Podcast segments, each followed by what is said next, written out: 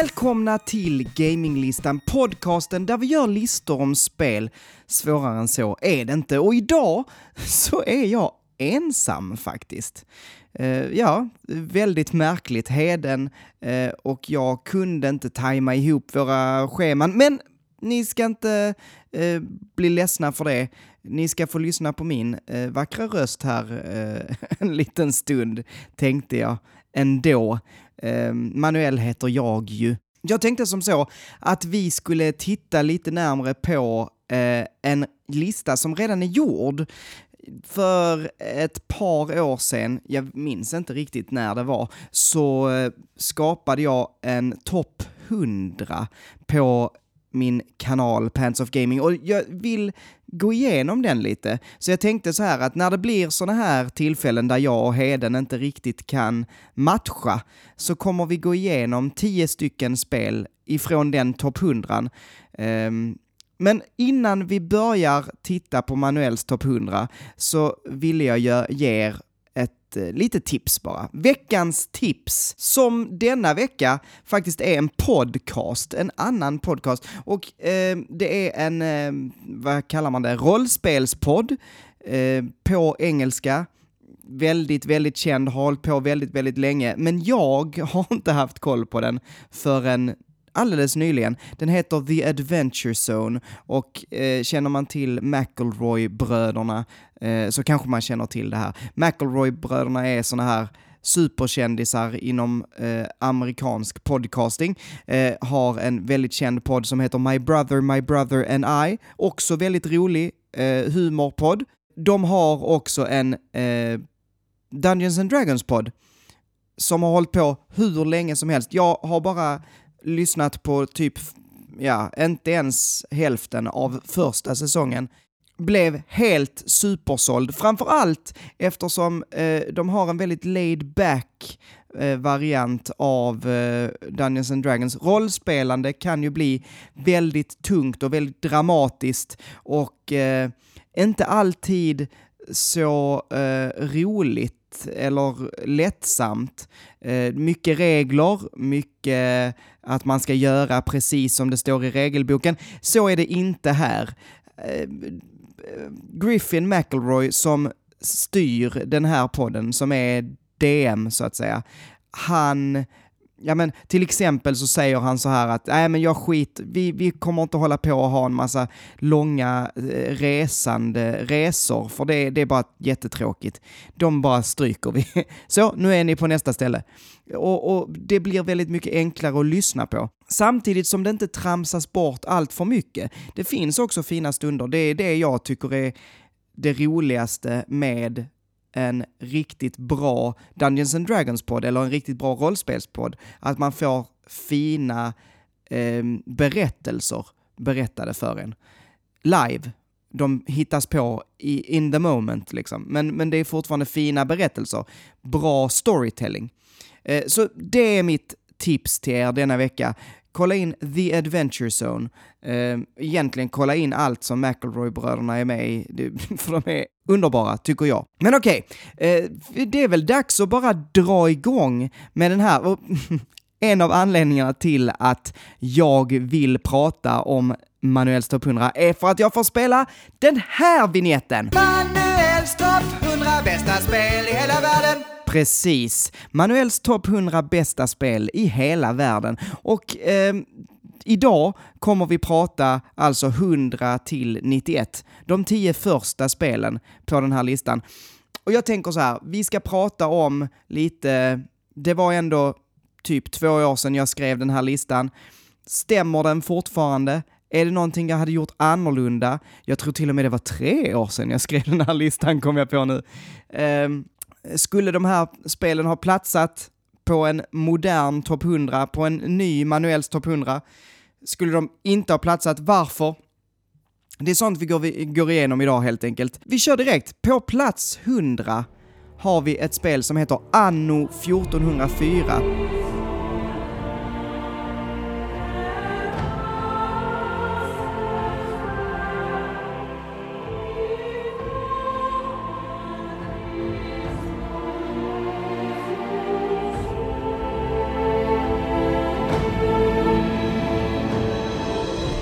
Det är ett strategispel. Det spelas på PC. Um, ehm, och jag har glömt bort vem det är som har utvecklat det. Um, men eh, det kan jag kolla upp. Related Designs heter uh, utvecklaren och Blue Byte Software. Och uh, utgivare är Ubisoft i alla fall. Men Anno 1404, strategispel, realtidsstrategi, uh, där man befinner sig i 1404. Eh, Svår, svårare än så är det inte. Och eh, din uppgift är att segla ut i den okända världen i Orienten eh, och bygga upp nya städer, få dem att blomstra, eh, besegra fiender i strid, handla med Orienten eh, och, och, skapa handelsrutter, köpa in då till exempel eh, kryddor som gör att eh, dina, din, din egen civilisation eh, blomstrar och, och, utvecklas av de här nya kryddorna och nya rökelsen och alla de här nya varorna som kommer från Orienten. Eh, och på det sättet blir du rikare och mäktigare. Det är ett väldigt eh, här finns många lager i det här strategispelet. Det är ett väldigt klassiskt form av realtidsstrategi. Eh, men eh, jag tycker om det här att det inte är bara bygg upp, som i Age of Empires till exempel, bygg upp din armé, döda den andra armén, utan det finns olika sätt, lite mer som Civilization kanske, att, att det finns olika sätt att tackla sin seger på. Ibland så handlar det om att eh, trada vissa typer av eh, kryddor eller trada fina, men att du ska hand, trada tillräckligt mycket för att få tillräckligt mycket eh, pengar.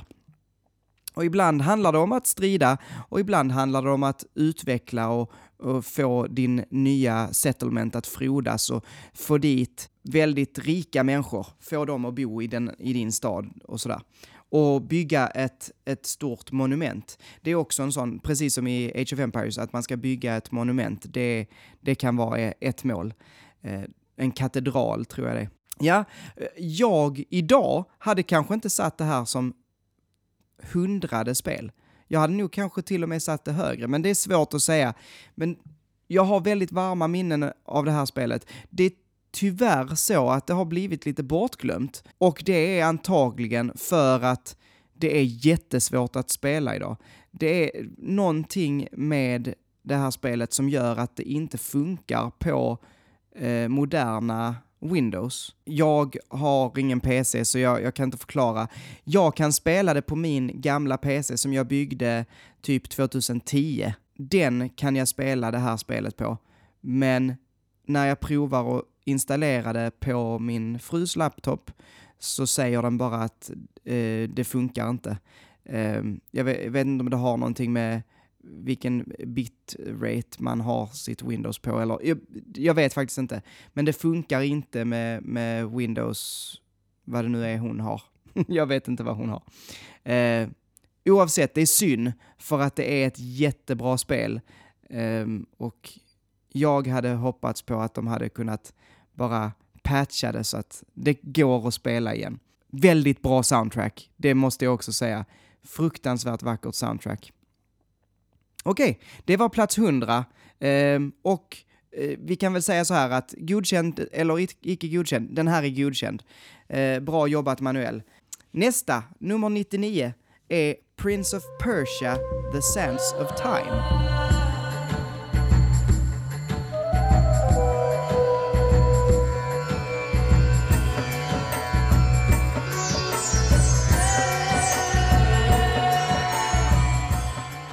Och det här är också en klassiker eh, som jag först faktiskt spelade på PC, eh, men som jag idag har på GameCube.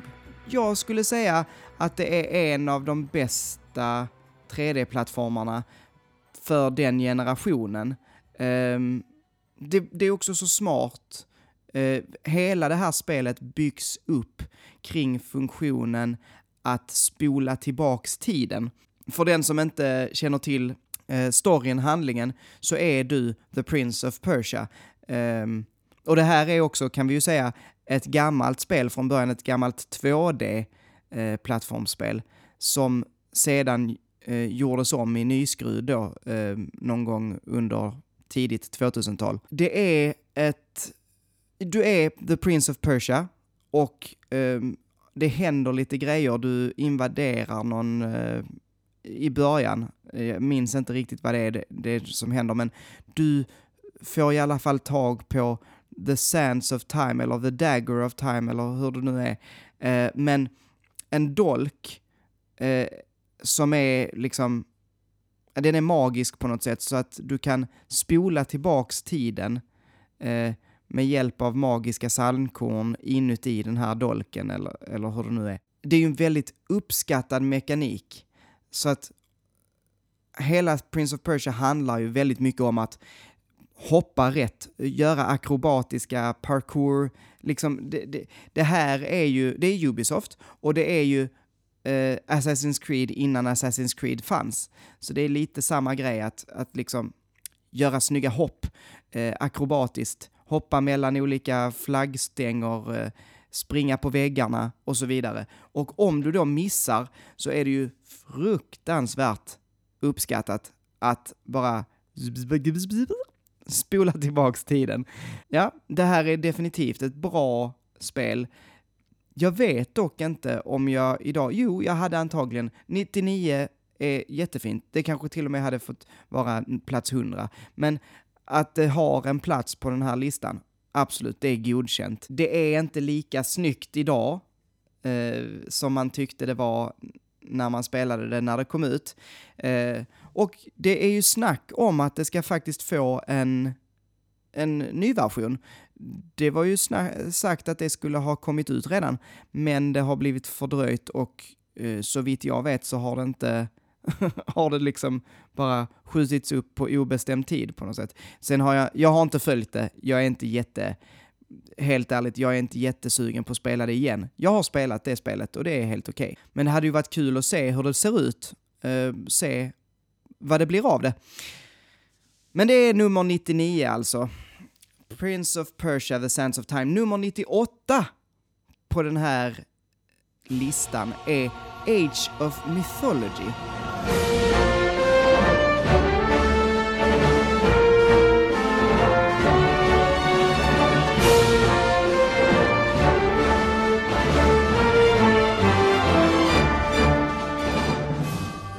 också ett PC-spel, också ett realtidsstrategi faktiskt, som precis som Anno eh, 1404. Age of Empires känner vi alla till.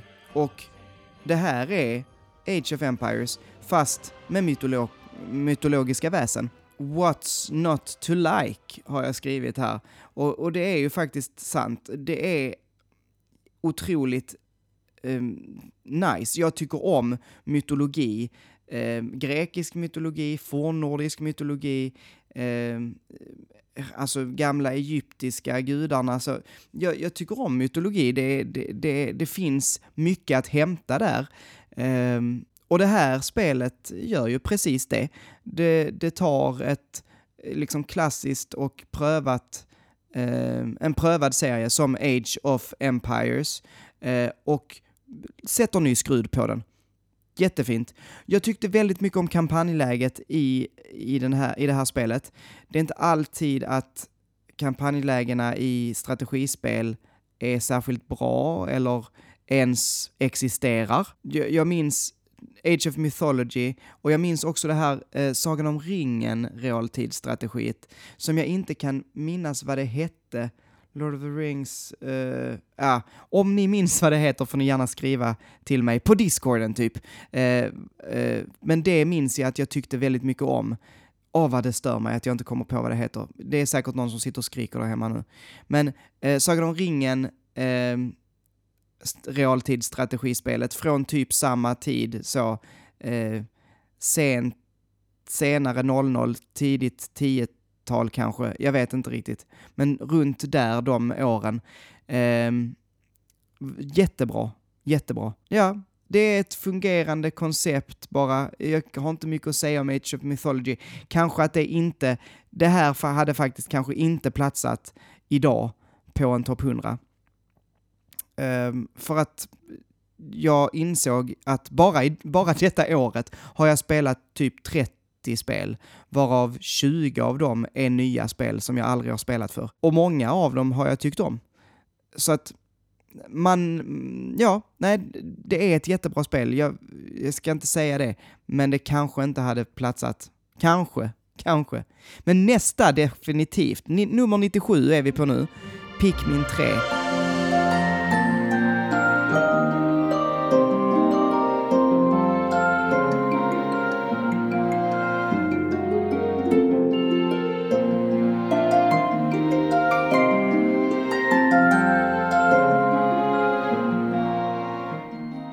Det här har jag spelat väldigt, väldigt nyligen. Vad ska man säga om det här spelet? Um, Nintendo är väldigt bra på sina gulliga, mysiga spel. Uh, ni vet, vi har ju alla spelat, höll jag på att säga, men många av oss har ju spelat Animal Crossing, inte sådär jätte, för inte så jättelänge sedan. Uh, och Pikmin är ett väldigt bra sånt där mysigt spel. Det är otroligt vackert. Man spelar som eh, vad heter de, Alf och Br Brittany och vad heter kaptenen heter, kaptenen säger vi att han heter. Men de här tre stycken kraschar på en eh, värld och där allting är enormt för dem då. Eh, jättestora blommor och växter och, eh, och på den här planeten så eh, finns det Pikmins. Och Pikminsen är jättesnälla mot de här kraschlandade eh, rymdresarna. Och de hjälper eh, dem att ta sig runt eh, på de här olika banorna. Målet är, för man kommer från en annan planet där maten har tagit slut, så målet är att man ska hitta eh, frukter som man kan göra till juice och eh, skicka vidare hem till sin planet. Man ska också hitta olika reservdelar till sitt skepp för att kunna ta sig hem till sin egen planet. Vad ska jag säga mer om det här? Ja, men jag tycker att det är ett väldigt roligt spel. Det är ehm, väldigt tillfredsställande att spela, att styra, för det man gör är att man styr, man säger åt. Det här är också lite realtidsstrategi faktiskt, fast på ett annat sätt. Man säger åt sina pickmins, man kan ha hundra stycken samtidigt ute på spelplanen och så säger man åt dem att eh, gör det här, attackera den där eh, konstiga varelsen, eh, bygg ihop den här bron som har gått i sönder, hämta den där frukten och så är det olika pussel ute på spelplanen som man behöver lösa för att ta sig till, ja, men till olika frukter eller till en reservdel kanske. Ehm, eller till exempel klara olika typer av bossar. Det finns också olika typer av pickmins. Eh, de röda eh, är de första man får och de eh, är resistenta mot eld. De gula kan leda elektricitet. De eh, svarta stenpickminsarna är lite tyngre och kan krossa glas. Det fin alla har, blåa kan simma. Det är de enda som inte drunknar i vatten. Så att alla har liksom sina egna eh, speciella färdigheter och det ska man också utnyttja det är jättesmart och någonting Nintendo är bra på är ju att bygga bra ban... Alltså bandesign är, är Nintendo väldigt bra på. Eh, och det märks i Pikmin 3. Jag hade definitivt haft med detta eh, på eh, min topp 100 även idag. Det här är definitivt en godkänd. Tummen upp på den. Det, det är väldigt bra spel. Okej, nummer 96 har jag skrivit Mortal Kombat XL.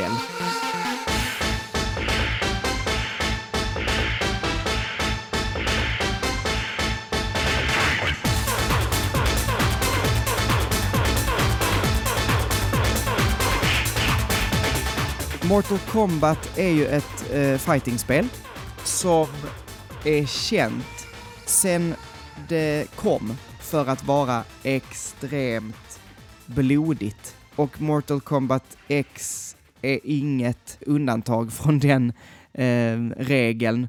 Det är väldigt, väldigt blodigt. Man har ju sådana här finishing moves som eh, är att en röst ropar finish him eller finish her och då gör din karaktär någonting, till exempel drar ut en ryggrad eller ja, ni vet så, trycker, trycker, gör ett hål i, i magen så att eh, man ser hur hjärtat hänger. Alltså det är väldigt blodigt, väldigt, väldigt eh, kul om man tycker sånt är kul, men eh, det är inte för alla kan man väl säga. Jag har aldrig tyckt om Mortal Kombat förrän jag testade Mortal Kombat X. Och jag, det, det, ska sägas, jag sa ju XL, det är den jag har testat. XL är liksom, vad ska man säga, the definitive edition. Där det har, eh, är lite fler karaktärer. Bland annat eh, lite sådana, vem är det, Freddy Krueger som är med, eller jag minns inte, Alien är väl med? Ja, det är några andra karaktärer som är med från typ lite eh, olika skräckfilmer och, och sådär. Leatherface tror jag är med. Skitsamma, men eh, jag och Fanny hade rätt roligt när vi spelade det här tillsammans. Eh, hon tyckte det var jättekul. Hon är inte jätteintresserad av spel, men av någon anledning så gick det här bra. Eh, det, är, det, är rätt, det är rätt roligt. Eh, vi, det är kul att spela med folk som inte är sådär jättebra på spel. För att det går, fighting-spel är ju ofta så, det går att bara masha och, och oftast blir det hyfsat bra. Man behöver inte vara jättebra för att tycka sånt här är kul. Med det sagt, det här spelet hade inte platsat idag på en topp 100, enligt mig. Jag hade haft det lägre än 100. Jag vet inte, det, det har väl mognat lite på mig och jag har, känner nu att det finns andra spel som jag hade velat lägga, lägga här. Det här är ju såklart för alla spelen som vi kommer att gå igenom här, men jag vill jättegärna veta vad ni tycker om Mortal Kombat. Fattar ni grejen, så att säga, inom kaninöron? Fattar ni grejen med Mortal Kombat? För att jag har aldrig gjort det förrän just detta spelet som jag sa. Det hade varit kul att höra vad, vad ni tycker. Ja, ni får jättegärna skriva och berätta. Nummer 95. Vi är halvvägs igenom. Nummer 95 heter Mafia.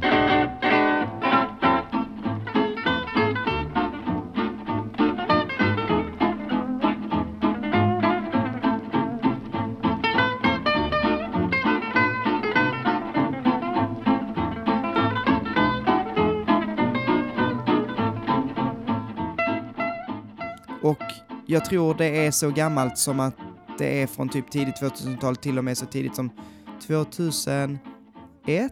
Kan det vara så tidigt? Nej, 2002 var det. Jag älskade Mafia när jag testade det. Jag spelade inte 2002, utan jag spelade lite senare när jag var kanske 15, 16, 2004, 2005. Eh, jag spelade på PC. Det är ju en, eh, ja, en, en, en eh, typ i stil med Gudfadern, Maffiabröder, eh, Sopranos, ni vet den, den typen av eh, story, maffiastory om en ung kille som blir medryckt in i det här eh, världen och om hans, vad ska man säga, ja men om hans liv i maffian och hur han klättrar och hur han, om, ja men svek och, vad heter det, redemption och eh, hämnd och allt, allt sånt där gött man vill ha av en sån eh, story. Det är ju också supergött. Det här är 30-talet, så att det är också väldigt, väldigt trevligt att åka runt eh, i ursnygga 30-talsbilar och lyssna på, liksom, eh, vad heter han då? Du, du, du, du, du, du. Alltså eh, massa god jazz. Bara för det så har jag glömt vad han heter, eh, Django Reinhardt heter han ju. Django Reinhardt. En eh, superkänd eh, gitarrist. Men hans låt Minor Swing spelas bland annat när man sitter i bilen. Vilket är rätt roligt för eh, transistorradion som eh, man behövde utveckla först innan man kunde få in en radio i en bil kom ju inte förrän på 50-talet tror jag. Eh, så det fanns ju inga radioapparater i eh, några bilar.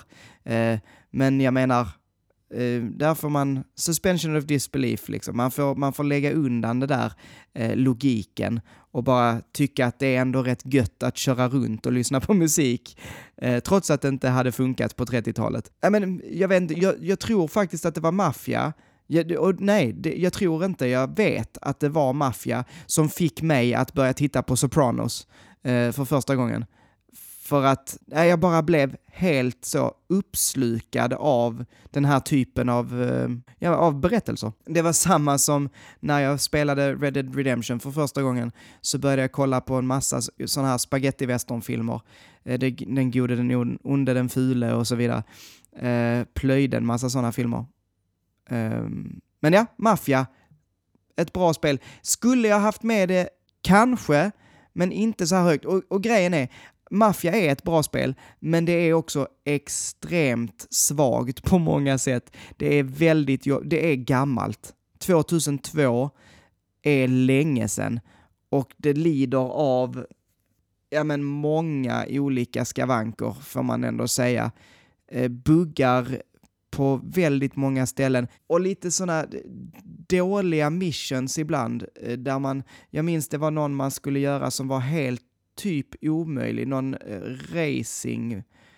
Jag minns inte om det var att man skulle köra en typ väldigt snabb rallybil till ett garage eller jag, jag minns inte exakt hur det var för det är jättelänge sedan, men jag minns bara att det missionet var enormt svårt att spela igenom. Nja, kanske ändå inte att det hade fått vara kvar på en topp 100, men det är... Mm, jag har fina minnen till det. Tyvärr kanske är det inte så bra som, som jag minns det.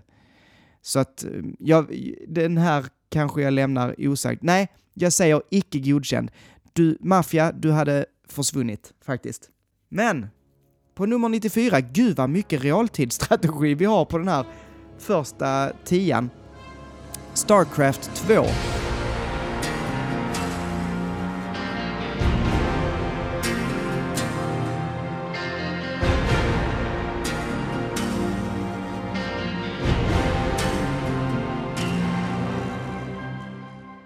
Jag är ju inget jättefan av online-spel. Det vet kanske folk vid det här laget.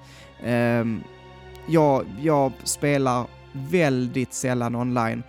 Jag, eh, just nu är jag rätt så sugen på att testa Halo Infinites multiplayer, men det är inte så att jag bara slänger mig på den så fort den kom ut, för att det är inte riktigt det jag, jag eh, tycker om. Jag har aldrig intresserat mig för det tävlande eller det blir så mycket annat när man spelar online. Alltså om man ska tävla eh, om, eller om man ska hålla på med meta.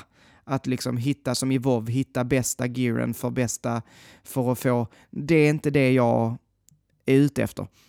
Men jag älskar eh, mina timmar som jag spenderade i Starcraft 2.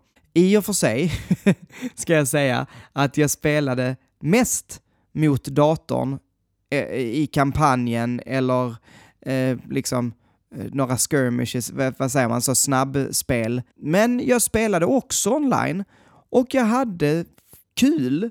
Det, det, det är inte så vanligt att Manuel Favenza har kul med ett online-spel så att säga. Men jag tyckte, jag tyckte om kampanjen. Även här, Starcraft 2 har en väldigt stark kampanj vilket man ofta kanske inte pratar om när man pratar Starcraft 2. Man pratar ofta kanske om ja, e-sport. Nu vet jag faktiskt inte om det fortfarande är lika hypat på e-sportscenen med Starcraft 2. Men eh, ja, det, alltså Blizzard har ju koll på den här eh, genren, kan man väl säga de var i alla fall realtidsmästarna, framförallt när Starcraft 2 släpptes. Fattar ni att det är otroligt länge sedan Starcraft 2 kom ut? Ja, när jag sitter här och pratar så tycker jag fortfarande att ja, men Starcraft 2, det är ju nytt typ. Ni vet, det släpptes 2010, det är 11 år gammalt. Jag tycker att första Starcraft, ja det är gammalt. Men Starcraft 2, det var ju igår typ. Men nej, det är, men ja, det, det är ett sånt där spel. Få spel får mig att vilja faktiskt ha en PC att spela på, men Starcraft 2 är ett av de spelen som, som faktiskt kan få mig ibland att tänka åh, det hade ändå varit gött att ha en PC. Men ja, om, om det inte framgår så, så vill jag definitivt ha kvar Starcraft 2 på min topp 100 om jag hade gjort om den så att säga. Eh, den den eh, är helt okej, okay, helt godkänd. Eh, placering. Kanske lite högre upp, alltså kanske, eller lägre ner eller vad man säger. Kanske att den hade varit på 99, 98, jag vet inte. Men eh, 94 är helt okej. Okay. På plats nummer 93 dock, där har vi Worms Armageddon.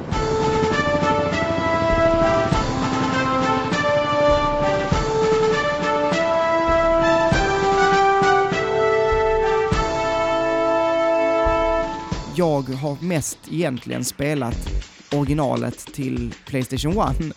Alltså Worms, som bara hette Worms. Tror jag. Ja, det hette bara Worms. Men det är inte jättebra. Det är inget superbra spel. Worms Armageddon, oh, gud vad svårt det är att säga.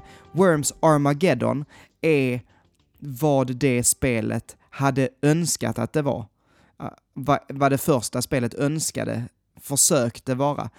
Worms Armageddon är bättre på alla sätt och vis. Bättre vapen, bättre effekter och grafiker. Det är ju inte så mycket, det är inte, det är inte snygg grafik så att säga. Det är ju väldigt, väldigt cartoony. Det är så mycket cartoony det kan bli. Men det är ju, eh, jag, jag tycker det är snyggt.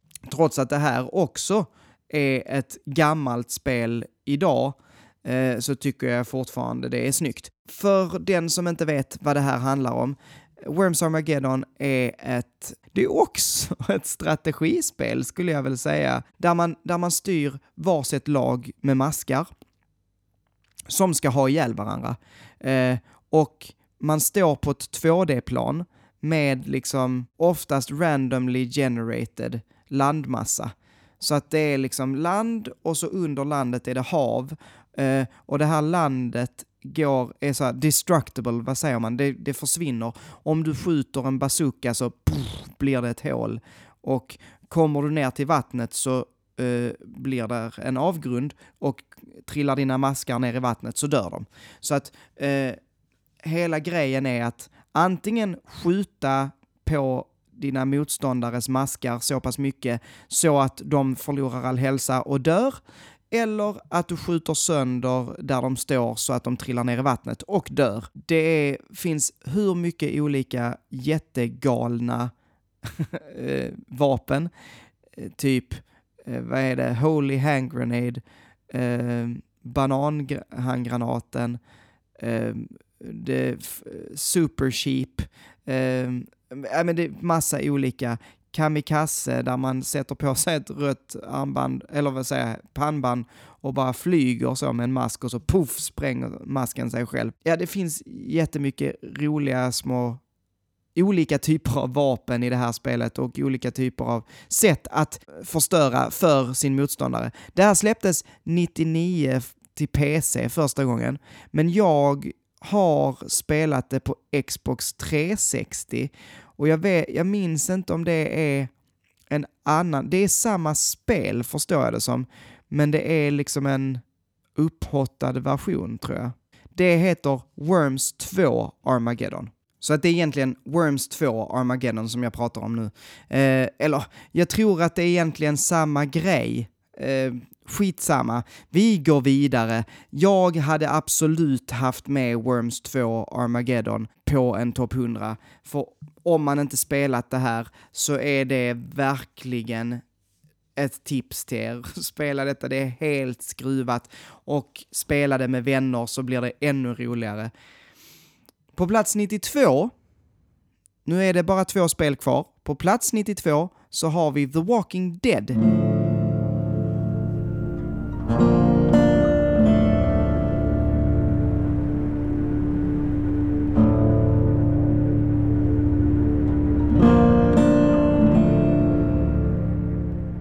Här är ett Xbox 360-spel. Eller, nej, det finns på flera plattformar, men jag har spelat det på Xbox 360. Um, ehm, det här var min första kontakt med Telltale och jag blev verkligen tagen av den här storyn. För mig, som jag sa innan, så tycker jag inte om tävlingar, jag tycker inte om online-spel. Så det jag tycker är viktigt, det är att man får en upplevelse. Att man får eh, någon form av upplevelse eh, och det kan, kan ju tävling vara, men för mig är story och berättandet eh, något av det viktigaste i ett spel. Så att Telltale-spelen var ju, på, när de hade sin prime, det var right up my alley. För att det var ju det enda de hade. Det finns ju inget eh, gameplay att snacka om i de spelen. Eh, definitivt inte. Men väldigt mycket bra berättande. Valen man fick göra kändes viktiga eh, och man blev nervös över om man gjort rätt eller inte. För det här, jag kanske ska berätta vad det är för något. Det här är, om ni har sett The Walking Dead, förlåt, det är serien det är faktiskt en serietidning från början, men har ni sett serien The Walking Dead så är det typ samma sak. Alltså en värld som är infesterad, inf ja, infesterad med zombies. Ehm, eh, och vi får följa ett gäng eh, överlevare. Men viktigt att säga att det är baserat på eh, serietidningen The Walking Dead, eh, för att det är de karaktärerna vi får följa, har jag förstått. Det är också tydligt i eh, Alltså då, alla karaktärer ser lite tecknade ut kan man säga. Jag har inte spelat mer än första säsongen, så det är den säsongen jag pratar om nu. Jag har inte spelat vidare. Jag har inte heller känt att jag har haft tid eller ork eller lust. Eh, för att den slutade fint och jag var nöjd med hur det slutade. Mitt Telltale-sug har ju definitivt avtagit med alla de här vändorna fram och tillbaka med eh, vad som hände när de gick i konkurs och så vidare. De, problemet med Telltale är att de bara hostade ut en massa skit. Lite samma problem som Atari hade på 70-talet. Man bara producerade en alldeles för stor mängd skit. Man tog på sig alldeles för många sådana här eh, licenser och skulle göra alldeles för många spel samtidigt. Och vi fick horribla spel som det här Game of Thrones-spelet. Har, har ni spelat det så kan jag säga, eh, jag är så ledsen för er skull, för det var, det var något av det värsta jag har varit med om i spelväg. Så otroligt tråkigt och jobbigt att sitta igenom. Men ja, alltså, ja, Telltale hade, föll ju verkligen. De hade sin peak och sen föll de stenhårt. Men med det sagt, jag, jag tycker ändå Walking Dead var väldigt bra och ja, det hade kunnat få stanna. Nästa spel dock, det sista spelet vi ska prata om, hade definitivt inte platsat på en ny version av min topp 100. Eh, och det är Goldeneye 007.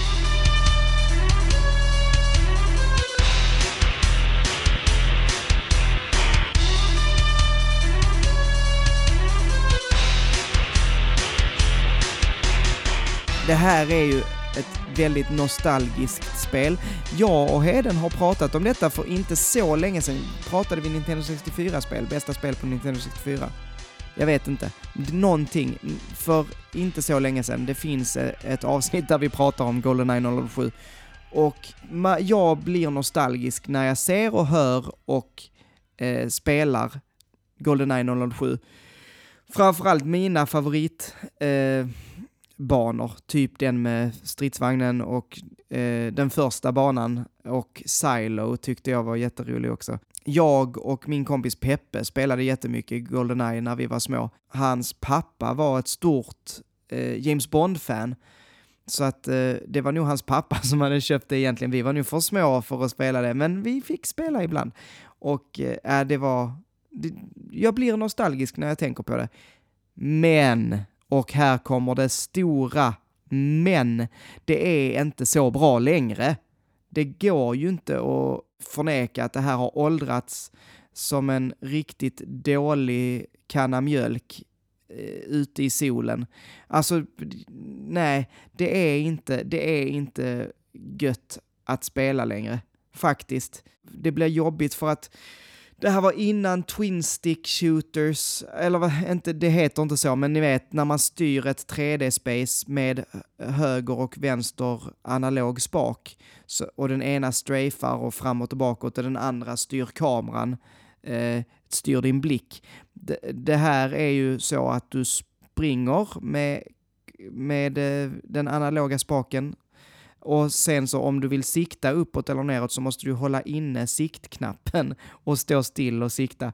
Och det är sånt där kan man bli rätt trött på idag. Så att helt ärligt, nej, Goldeneye 007 hade jag inte tagit med på någon eh, lista faktiskt. Och det var de tio spelen. Ska vi ta dem en gång till, bara rakt upp och ner? På plats 100 har vi Anno 1404. Ett väldigt bra spel. Eh, kolla in det om ni har möjlighet, om ni har en gammal dator att spela det på. Jättevärt. Supersynd att det inte finns att spela fortfarande. Nummer 99, Prince of Persia, The Sands of Time. Kanske vi får en eh, ny version på eh, inom kort ett helt okej okay spel, skulle antagligen kanske få vara kvar. Eh, nummer 98, eh, nästa realtidsstrategi av jättemånga. Age of Mythology, jättebra. Samma som Age of Empires, fast med mytologiska väsen. Tycker väldigt mycket om det. Nummer 97, Pikmin 3 tycker ännu mycket mer om det. Pikmin 3 hade antagligen fått vara på en högre position än 97 om jag hade gjort eh, denna listan idag. Eh, gulliga, mysiga små pickmins som hjälper en ta sig igenom banor. Nummer 96. Mortal Kombat XL. Inte ett spel jag hade tagit med eh, om jag hade gjort den här listan idag, men ett gediget fightingspel ändå, som både jag och min fru har haft roligt med. Det är himla kul att slå ihjäl varandra ibland. Eh, nummer 95, på låtsas, ska jag säga där. Vi slår inte varandra på riktigt. På låtsas. Nummer 95 är Mafia. En eh, bra eh, maffiastory, men som idag inte kanske riktigt håller och som kanske inte heller hade fått vara med på en lista om jag hade gjort den idag. Nummer 94, Starcraft 2. Ett till realtidsstrategi, men som är väldigt, väldigt bra och som jag tycker har eh, hållit tidens tand väldigt bra eh, och som jag knappt kan tro att det faktiskt har gått 10 år, 11 år sedan vi fick det. Nummer 93, Worms Armageddon. Ett fantastiskt spel som antagligen också hade fått en högre position om jag hade skrivit den här listan idag. Och ja, ett måste-spel. Ni måste testa det.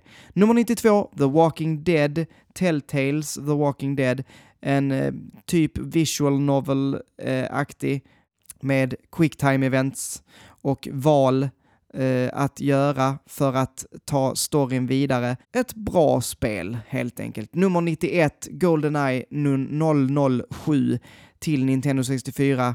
Ett väldigt nostalgiskt spel, men som idag inte håller riktigt. Känns det okej okay att jag har sagt så om det? Jag vet inte. Ni får säga vad ni tycker om alla de här spelen. Hörni, eftersom vi inte, det här är ett litet specialavsnitt så har vi inte så mycket mer idag. Det här var eh, allt som jag hade att bjuda på. Vad eh, tycker ni om de här spelen? Skriv en kommentar till oss. Ni får jättegärna skriva på Facebook, på Instagram, där finns vi som Pants of Gaming. Annars kan ni ju alltid gå med i vår Discord, där är jättetrevligt att vara. Eh, och vi blir jätteglada om ni är där och säger hej.